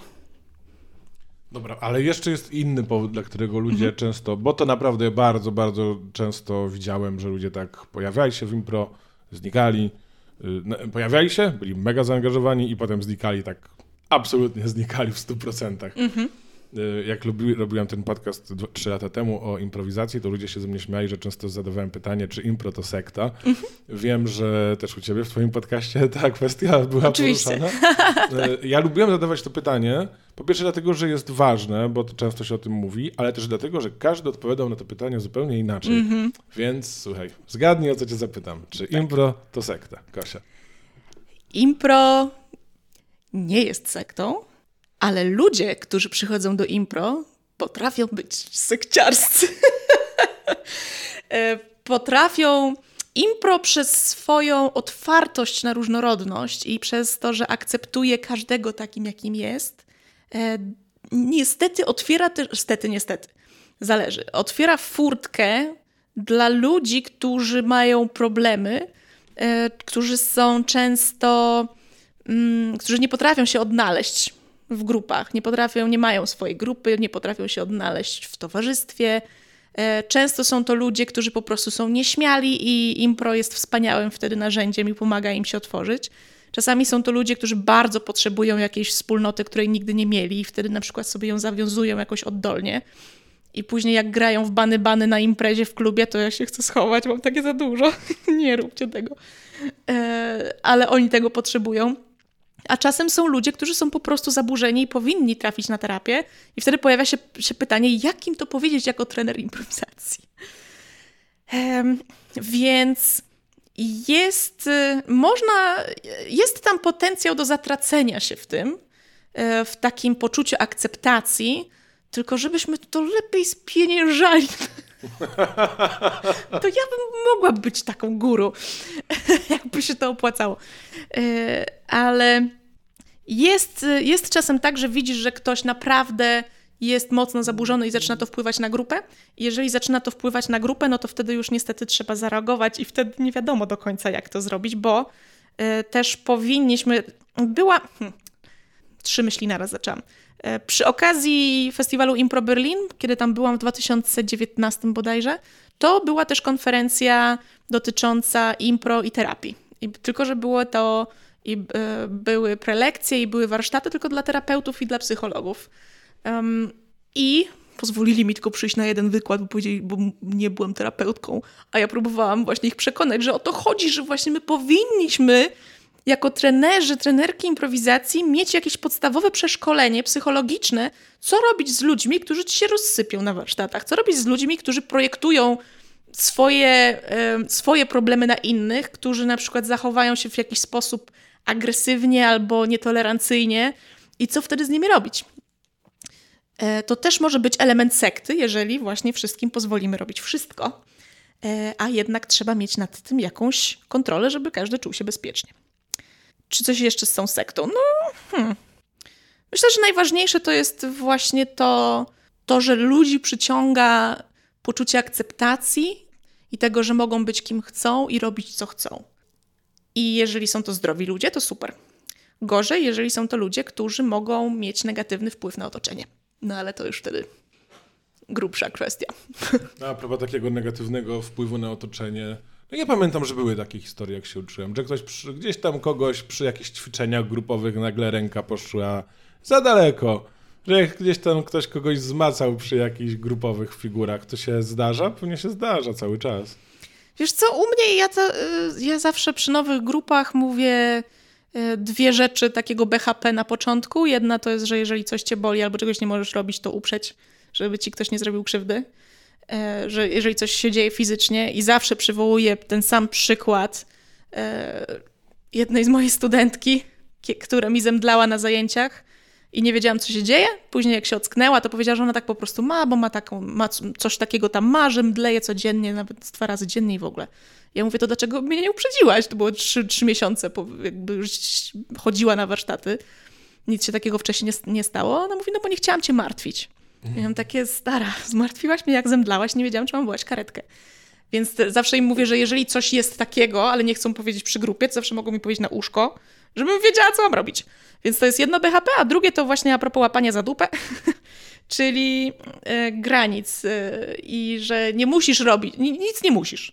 Że jeżeli e, po pierwsze właśnie szanujmy, szanujmy się nawzajem, szanujmy swoje jakieś tam granice, które są takie ogólnie przyjęte, są strefy, za które zazwyczaj się człowieka nie łapie, mm, albo nie, nie idzie się w pocałunek od razu, tylko może najpierw warto byłoby jednak, chociaż w Polsce nie ma za bardzo takiego problemu, bo my ledwo się dotykamy nawzajem na scenie, przecież stoimy w dystansie odpowiednich dwóch metrów, e, ale zawsze właśnie mówię ludziom, że e, mogą w każdej chwili przerwać scenę lub ćwiczenie, bo to jest tylko impro.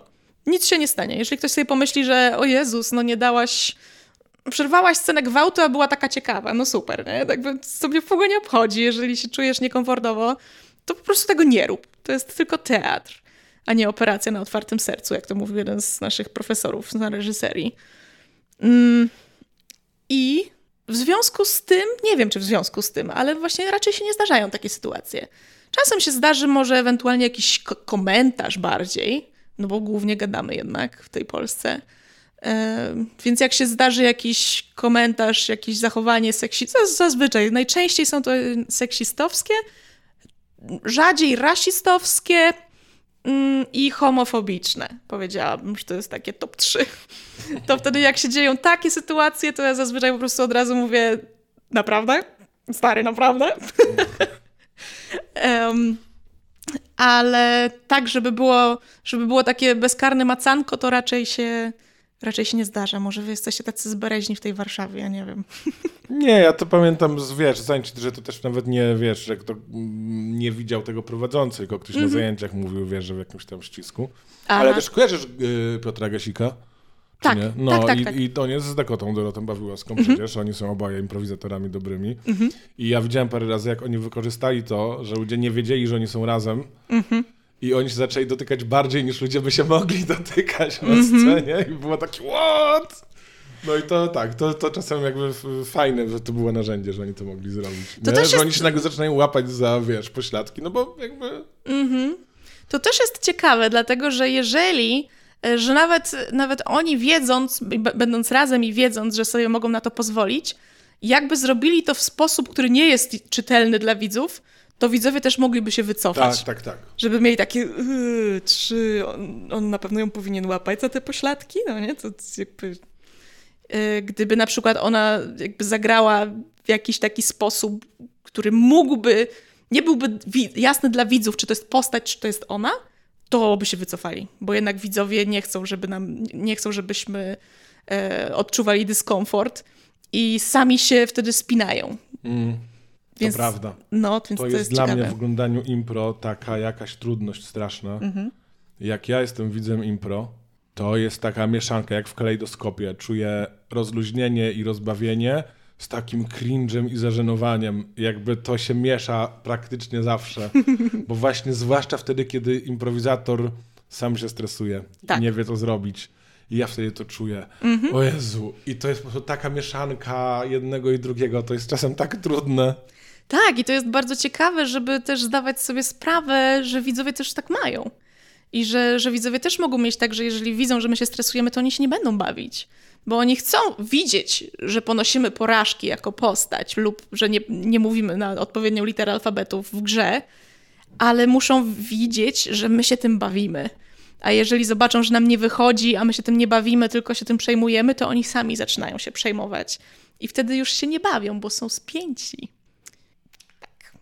Z innej beczki. Co sądzisz o y, też takiej trochę kontrowersyjnej rzeczy, przynajmniej kiedyś kontrowersyjnej, mm -hmm. o slow impro? Właśnie, też był trend. Też no. był trend slow impro. Um, to też jest śmieszne, bo to było. Um, to było coś, co zdumiewało moich znajomych z zagranicy. Mówi takie, ale że co slow impro? Że gracie wolną? I mieli takie, ale, ale że co? Jak to? I wy to tak sprzedajecie? Przecież nikt by nie przyszedł. Jakby no i nikt nie przychodził, jak no było tak właśnie, tak sprzedawane. Tak, to... tak, dokładnie. Więc no ja się tak naprawdę śmieję ze wszystkich y, form, bo każdą da się obśmiać, że właśnie slow impro, czyli teraz będziemy gadać o dupie Maryni przez 5 minut i patrzeć sobie w oczy i, i później ci powiem, że rzęsa ci spadła na policzek i to jest tempo budowania relacji. albo że w Haroldzie no to są, zawsze muszą być jakieś ptaki i że po prostu łażenie po scenie i gadanie bzdur pomiędzy z tym organicznym impro i, i tak dalej, nie? że po prostu wszystko w jakiś sposób jest głupie, ale też wszystko jest fajne na swój sposób. No i ze slow impro, jak dla mnie to jest y, jakiś absolutnie nietrafiony pomysł sprzedażowo. I to, że e, później wszystkie te sceny, jak dla mnie, są. Teraz oczywiście generalizuję, bo się trochę nabijam z formy, ale są znowuż przegadane, są. Są tak statyczne, to, jest tak, to są gadające głowy, które sobie wymyśliły uzasadnienie do tego, żeby być gadającymi głowami. Że teraz będziemy siedzieć i będziemy odkrywać naszą relację, pijąc kawę. Będziemy mieć jakiś refren, do którego będziemy wracać, a potem znowu będziemy po prostu dokładać po centymetrze. I ja rozumiem koncepcję pogłębiania relacji, odkrywania tego, co jest, a nie budowanie, wymyślanie. Tylko fajnie, żeby to jeszcze miało jakąś dynamikę. A często jednak slow impro było slow. No, ja mam takie trochę skojarzenie ze slow impro, że, jakby, że to jest rozbudowanie jednej z umiejętności improwizacyjnej. Tak. tak jakby ktoś chodził na siłownię i ćwiczył zawsze tylko lewy biceps. No dobrze, ważny jest lewy biceps, ale tak, nie tylko. Tak, zgadzam się z tym, że fajnie jest móc e, zagrać sobie scenę, jeżeli na przykład przeplatamy różne, różnymi stylami, różną dynamiką, a nie jeżeli wszystko jest taką przysłowiową sceną przy stole.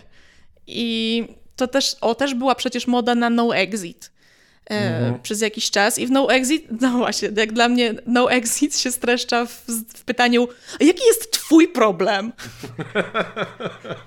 Że zawsze musi się pojawić to, o Jezu, i teraz się pokłócimy, a ty pewnie spałaś z nim, tak? Tak, spałam z nim. Aha. I to jest to takie, Boże, to jest zawsze o tym samym. E, I oczywiście może nie. Ja wiem, że nie tak do końca, ale trochę tak że trochę każde to slow impro to jest takie, że mam ochotę zasnąć po prostu, bo to jest takie pitolenie, że no exit to jest właśnie, że muszą być przyjaciele, którzy w pewnym momencie się pokłócą i się okaże, że każdy ma kwas. I no Harold to zawsze musi być po prostu jakieś właśnie organiczne gówno przepla przeplatające jakieś elementy fabularne. E, I zawsze ktoś musi robić po prostu jakieś dźwięki i, i tupać. I to jest, to jest mniej więcej średni poziom organicznego impro, jak dla mnie. I udawanie ptaków zawsze. To jest prawda z tymi ptakami. To jest świetne. A masz jakiś ulubiony nurt albo szkołę w impro? Hmm, wszystkie mają swoje zalety i wszystkie mają swoje wady. E, myślę, że to, co.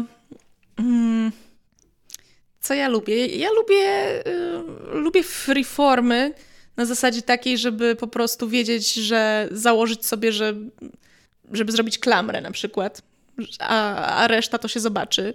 E, lubię też wyszukiwanie, wyszukiwanie takich tych elementów the game, jakiegoś takiego refrenu, tego, że żeby podążać za jakimś takim momentem oho, że ja sobie tak nazywam, że to jest moment oho, tak robię, robię na warsztatach ludziom, kiedy chcę właśnie e, pokazać, o co chodzi z tym wyłapywaniem jakichś furtek dla fabuły, że jeżeli pojawi się coś, jakiś temat, za którym można pójść, to jest oho, i czy pójdziemy za tym, czy nie. I wtedy to jest to, że, że tak naprawdę każdy prawie krok e, jest albo właśnie pogłębieniem jakiejś, tym pójściem w głąb, albo jest to otwarcie jakiejś nowej furtki, za którą można pójść. Więc ja bardzo lubię po prostu mm, taki element odkrywania tego, co się dzieje. I nie, nie w kontekście, tak jak w, no w slow impro też się na przykład odkrywa, tylko tam bardziej naszą relację, tak? I to dlaczego pijesz kawę czarną, a zazwyczaj piłeś z mlekiem. Ale to ja... Jak Paweł Najgabauer cię usłyszy, to nie masz wjazdu do Warszawy. To jakby... Cześć Paweł! Nie słuchaj. Ale no... E, więc ja bardzo lubię takie bardziej przygodowe po prostu. Powiedziałabym, że slow impro, ale Indiana Jones? A nie Jarmusz na przykład. Także tak jak Jarmusz mnie nudzi często, to tak mniej więcej właśnie slow impro. No, także tak. Lubię, lubię fabularne impro, lubię, bo też bardzo mnie fascynują historie chciałam powiedzieć na zdrowie, ale to nie był kich. tak czy inaczej na zdrowie. E, także lubię, mm, lubię formy fabularne, bo też e, zawsze mnie fascynowały historie i też e, po tej reżyserii, scenopisarstwie i w ogóle bardzo to lubię. Lubię też pracować e, z kobiecymi składami nad kobiecymi tematami, bo na przykład mamy grupę siedem kobiet w różnym wieku. No ostatnio to, to grywamy rzadziej, ale też na przykład element tego, jak grywamy historie z życia, y, z życia kobiet, które są często y, pomijane albo są mało eksplorowane, więc to też jest coś ciekawego, żeby wyłapywać sobie jakieś takie obszary, w których y, można, można poszukać historii, które zazwyczaj nie są podejmowane. A propos tej reżyserii, mhm. to jest taka funkcja, która jest w Polsce właściwie praktycznie nigdy nie spotykana, czyli reżyser grupy albo reżyser spektaklu impro. Mhm. Co to jest za funkcja, na czym to polega? Jest to wzięcie odpowiedzialności za koncepcję występu. Tak bym najprościej to ujęła. I na przykład za trzy tygodnie jest festiwal w Barcelonie. Um, Barcelona Impro Festival. Nie mogę sobie przypomnieć kolejności tych trzech słów.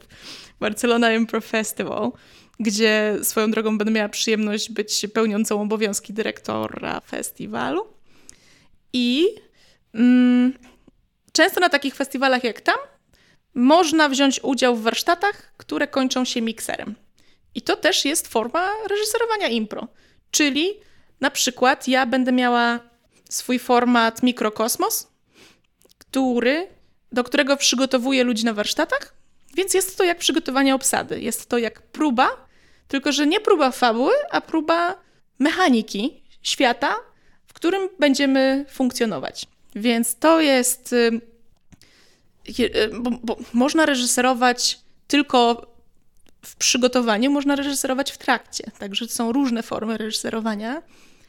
Y, więc jeżeli tak jak w przypadku mikrokosmosu, gdzie mamy, e, który polega na tym, że mamy scenę bazową, na przykład my siedzimy teraz przy mikrofonach w tym pokoju, a możemy przeskakiwać między płaszczyznami rzeczywistości, że poprzez cięcie na zasadzie tymczasem e, te szklanki wody i one na przykład mamy płaszczyznę e, rzeczywistości przedmiotów, mamy tutaj telefony, więc może być jakaś cybernetyczna, co się tam dzieje, może za tobą twoi, stoi twój anioł stróż w, w jakiejś płaszczyźnie duchowej i tak dalej. Więc jest to ćwiczenie. Chciałbym. Może stoi, albo siedzi na roślince. Tam masz, widzę tego jakiegoś chorusa, czy, czy innego ptaka. Może to jest twój egipski tutaj strażnik, Bóg. Mam nadzieję. Mm, więc można albo reżyserować poprzez przygotowanie obsady i zostawienie jej później na scenie, nie grają, albo można się wtrącać w trakcie i wtedy jest to też na zasadzie takiego e, side coachingu. Side coaching częściej jest na, na warsztatach, jako właśnie podpowiedzi, w którą stronę można pójść.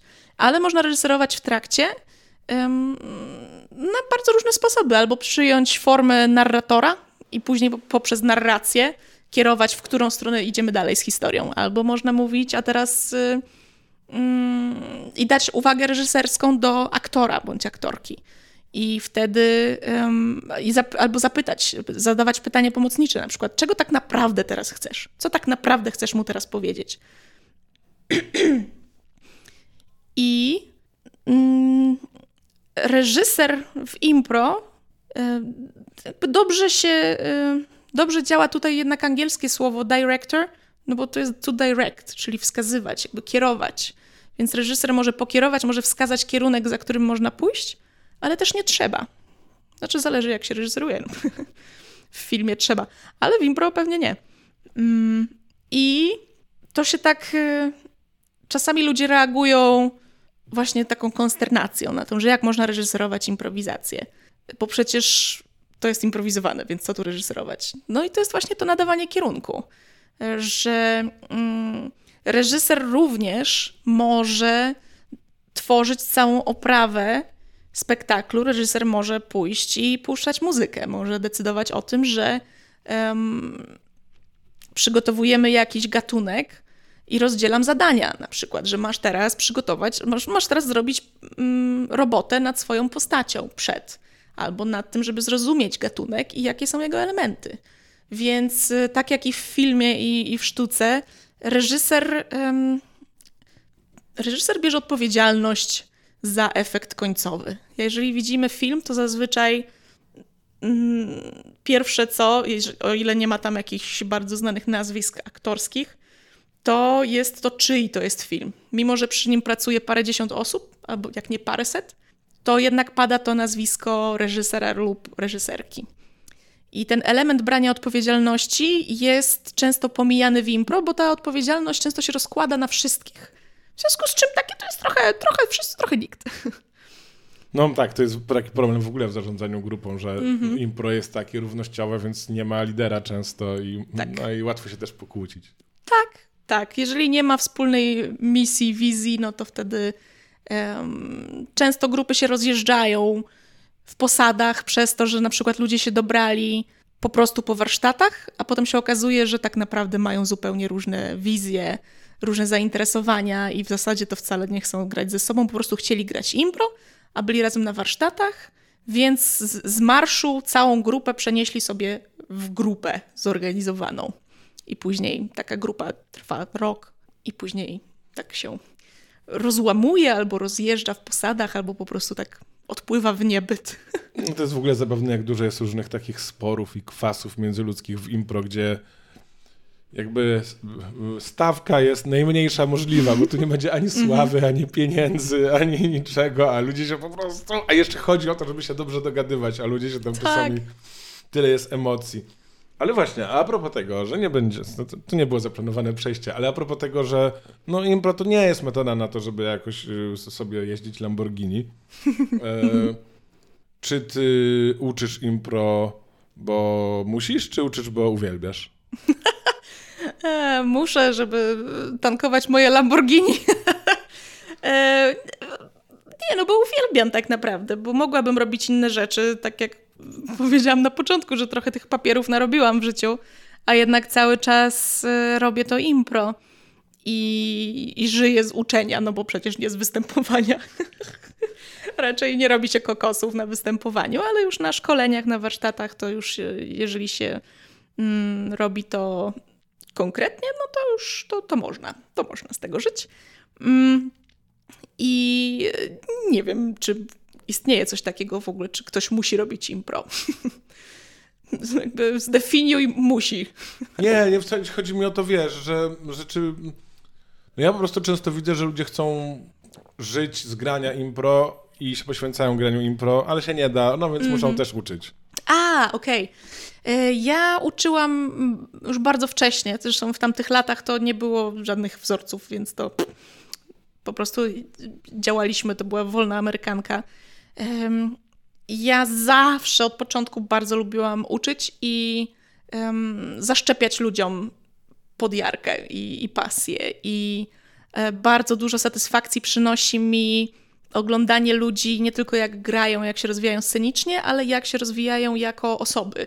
Że często mm, bardzo jasno widać, kiedy ktoś, kto miał dużo blokad, w pewnym momencie się przełamuje i na przykład pozwala sobie się wygłupić, albo nagle tupie nogą i podejmuje odważniejsze decyzje, albo nawet w, w towarzystwie jest ktoś bardziej um, ożywiony. Albo na przykład Ala, jedna z moich warsztatowiczek, powiedziała, że, że ona zrozumiała dzięki impro, jak się bawić ze swoimi córkami. Że o co, ona zrozumiała, o co im chodzi. Bo mówiła, że często wśród rodziców było tak, że rozmawiali ze sobą i mieli takie, Jezus, nie wiem, jak się z naszymi dziećmi bawić fabularnie tak po prostu, że mówią, masz tutaj różdżkę i teraz jesteś czarownicą. I mhm. że rodzice mają takie, mm, okej, okay, no i co mam teraz zrobić? I ale mówiła, że ona w końcu zrozumiała, one robią impro i ona zaczęła z nimi robić impro po prostu. I w pewnym momencie już zaczęła się sama wkręcać w to i sama im proponować na przykład. Czy to właśnie postaci, czy co się teraz dzieje, a one wtedy, wiesz, szalały. Więc można nawet odkryć, jak się bawić z, ze swoimi dziećmi. Więc to, ile ludzie potrafią w tym odkryć, jest dla mnie fascynujące. Może dlatego czasami to impro jest to taka myśl, może się nie zgodzisz. Mhm. E, w sumie sam nie wiem, czy się zgadzam. Może dlatego to impro czasami jest yy, takie właśnie cringe'owe, bo to jest dokładnie to, co robią dzieci. No, ale ci ludzie, którzy to robią, to nie są dzieci. I czasami jest tak, właśnie to robienie, tak, tak jak mówisz, bani, bani w, na wyjściu w klubie. Mm-hmm. O, nie, ratunku. tak. E, tak, no. Myślę, że to i tak, mimo że mam wtedy takie ratunku, to mam takie, dobra, bądźcie dziećmi. Bo często nie mamy, nawet jak byliśmy dziećmi, to nie mieliśmy do końca przestrzeni na to, żeby nimi być. I ja też się y, poprzez improwizację uczyłam tak naprawdę y, bawić jak dziecko. Znaczy, może nie aż tak dramatycznie, tylko po prostu ja byłam odpowiedzialnym dzieckiem. Ja mam siostrę z niepełnosprawnością, to zawsze gdzieś tam to dzieci, y, rodzeństwo też tak ukierunkowuje na, na bycie jednak w jakimś stopniu również opiekunem, mimo że jest się dzieckiem. Więc y, w zasadzie ja się nauczyłam gdzieś tam wydurniać i takiej beztroski właśnie na scenie. I ta scena jest dla mnie takim światem beztroski. E, mimo, że często ludzie się właśnie bardzo boją sceny i tak jak jest to jeden z najpopularniejszych lęków, tak jak się to powtarza, to są wystąpienia publiczne, to, y, to dla mnie jest to y, plac zabaw. I dlatego też zaczęłam jakiś tam czas temu na spokojnie, ale zaczęłam sobie też działać ze stand-upem żeby mieć więcej tego, tego placu zabaw dla siebie. No i ze stand-upem jest o tyle łatwiej, że nie trzeba organizować całej grupy. Tylko wystarczy zająć się sobą, a nie ogarniać właśnie wszystkich wokół. A czujesz, że impro pomaga w stand-upie, czy, czy nie? Oczywiście. Tak, no bo y, jeżeli nie masz umiejętności reagowania na bieżąco, no to będziesz miał czwartą ścianę między sobą a widownią. A widzowie lubią i heklować, czyli przeszkadzać, e, dogadywać i, i po prostu lubią widzieć żywą sztukę.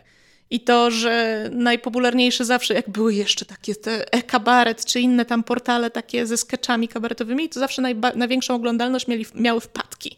Tak, tak, tak. I właśnie to, że to wtedy jest żywe. Mhm. I, I w stand-upie też jest to, że kiedy widzowie widzą, że ty jesteś w stanie zareagować tak o i coś, czy to odpyskować, czy wykorzystać sytuację nieprzewidywalną, no to to jest plus 10 do, do respektu. A jeżeli się w ogóle tego nie ma i, i się tym nie interesuje, no to, yy, to ten wachlarz umiejętności jest ograniczony po prostu, tak myślę. E, I, I fajne jest to u nas w Trójmieście, że całe środowisko tak naprawdę stand-upowe też przechodziło, bądź przechodzi przez impro. I przez warsztaty po prostu na przykład. Ciekawe, to zupełnie inaczej niż w Warszawie. No właśnie, to wiem. zupełnie rozłączne środowisko. Ale zobacz, bo wydaje mi się, że to się też wzięło stąd, że u nas równocześnie z tych, e, w tych samych grupach, w tej samej grupie startowało impro i stand-up. Więc u nas w Trójmieście od początku to się przeplatało. No w Warszawie też, no stand-up Polska, no to w dużym stopniu byli improwizatorzy. Nie no, Antek, Karol. No tak, to prawda. Tak? Mhm. No, chociaż może nie wszyscy, no bo Czarek Jurkiewicz, nie wiem, czy był na impro, nie pamiętam. Ale no i Walos zawsze się gdzieś tam kręcił wokół. Ale wielu w ogóle stand-uperów to tak patrzy na impro, że w ogóle zabierzcie mi tych idiotów sprzed oczu, nie? Tak, tak, tak. No właśnie wiem, ale mówię ci, że, że Trójmiasto jest y, pod tym względem inne. Że y, prędzej czy później stand-uperzy, którzy się rozwijają, to trafiają do mnie. Prawie każdy, naprawdę, z Trójmiasta. Albo mm, też coraz więcej improwizatorów idzie w stand-up, no ale to jest raczej taki większy trend, że więcej ludzi w ogóle po pandemii też całe środowisko kabaretowe poszło, tak. poszło w stand-up. Mm, ale y, no też na przykład y, Adam Van Bendler, który też jest z Trójmiasta, E, się, się złości, jak właśnie stand-uperzy się prują o, o impro. Co mnie zawsze cieszy, jak on się złości na to. Mam takie, dobrze, złość się na nich. A to w ogóle ciekawe, że powiedziałeś, że to oczywiste, że impro pomaga w stand-upie, bo mhm. ludzie różnie mówią, ja też uważam, że niekoniecznie, bo to, co mówisz, to jest duży plus, mhm.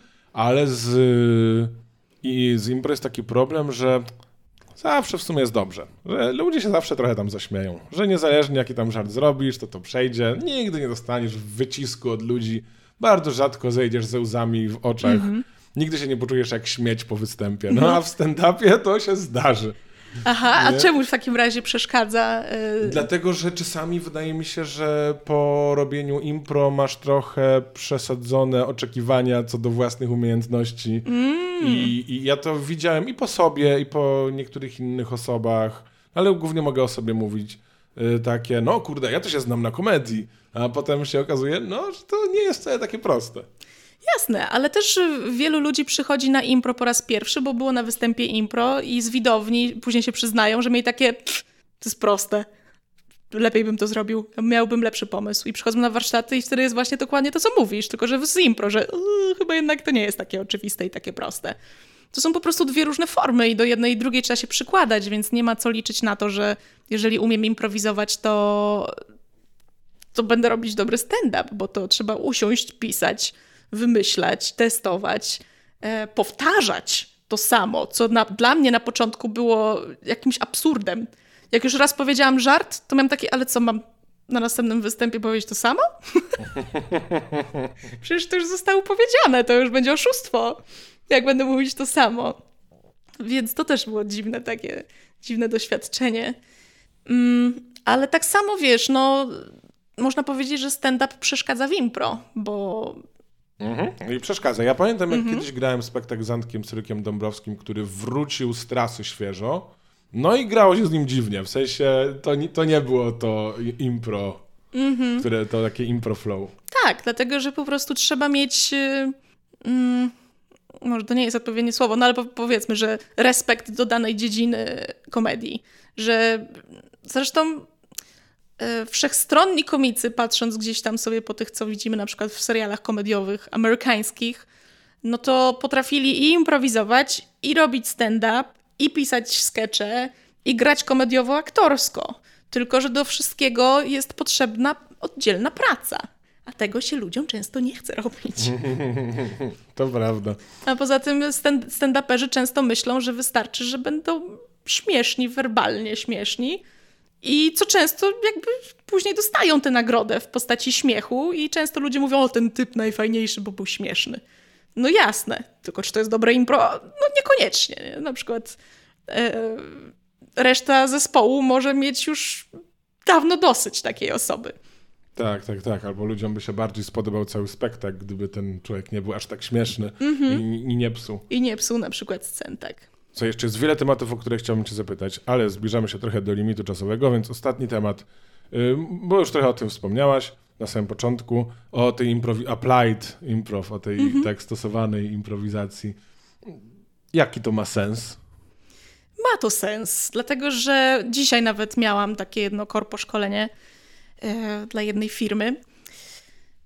Myślę sobie, że różne są dziedziny, do których to się może przydać, bo tak jak właśnie wspomnieliśmy na początku, jest to, mm, są to jakby tak wyłuskać, o co w tym chodzi, to to są narzędzia do komunikacji z drugim człowiekiem. I to jest też to, e, z jednej strony, jeżeli patrzeć na przykład na zastosowanie improwizacji w zespołach jakichkolwiek, to jest to po pierwsze na przykład e, bezpieczeństwo psychologiczne jest taki termin, że ludzie nie boją się zaproponować czegoś, e, bo może będzie głupie, nie boją się przyznać, że coś nie działa, bo wiedzą, że wtedy możemy to rozwiązać, a nie zamiatać pod dywan i liczyć na to, że ktoś inny na przykład to zauważy i będzie na kogoś innego.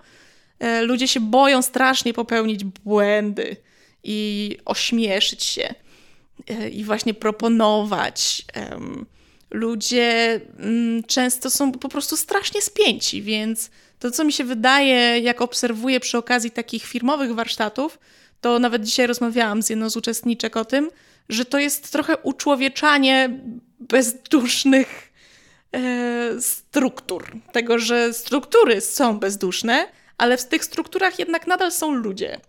I że mimo, że ludzie, którzy są cały czas zabiegani i są spięci, to tak samo mają i empatię, i swoje lęki. Niedawno też miałam dla jednego z zespołu um, takie warsztaty i też takie pogłębiające ich tam, bo oni tam dużo lat pracowali ze sobą, ale co tam jeszcze mogą sobie zrobić ze sobą, żeby się trochę lepiej jeszcze poznać.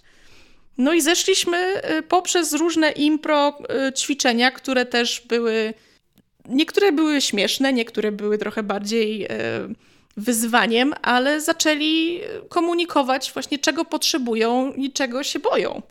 Co zazwyczaj jest najgorszym, co możesz powiedzieć, bo przecież nie można się przyznać do słabości i do, do lęków. A, a jak się ma zaufanie w takim zespole, no to można, bo to nie znaczy, że jesteś teraz słaby i cię wyrzucimy.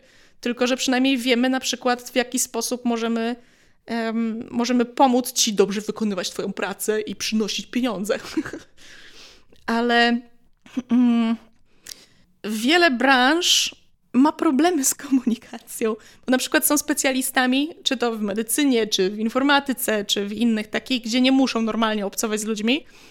E, I potem totalnie nie wiedzą, jak to zrobić. A z drugiej strony mamy na przykład lekarzy, którzy powiedzą, potrafią powiedzieć: No nie wiem, to może rak, kiedy nie jest to rak, no nie? I zostawiają później takiego człowieka, totalnie nie, jakby nie, nie przyjmując do wiadomości, że może nie powinni w taki sposób się komunikować.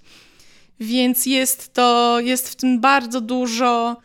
E, oczywiście, że to można używać korporacyjnych słów i często tak jest w takich okolicznościach, że język jest dopasowany do grupy, z którą pracujemy.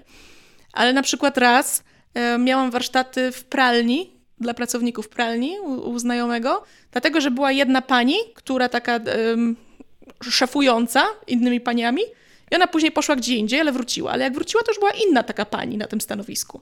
I nagle pojawił się konflikt między paniami, które były takie bardziej zarządzające i takie trzymające twardą ręką.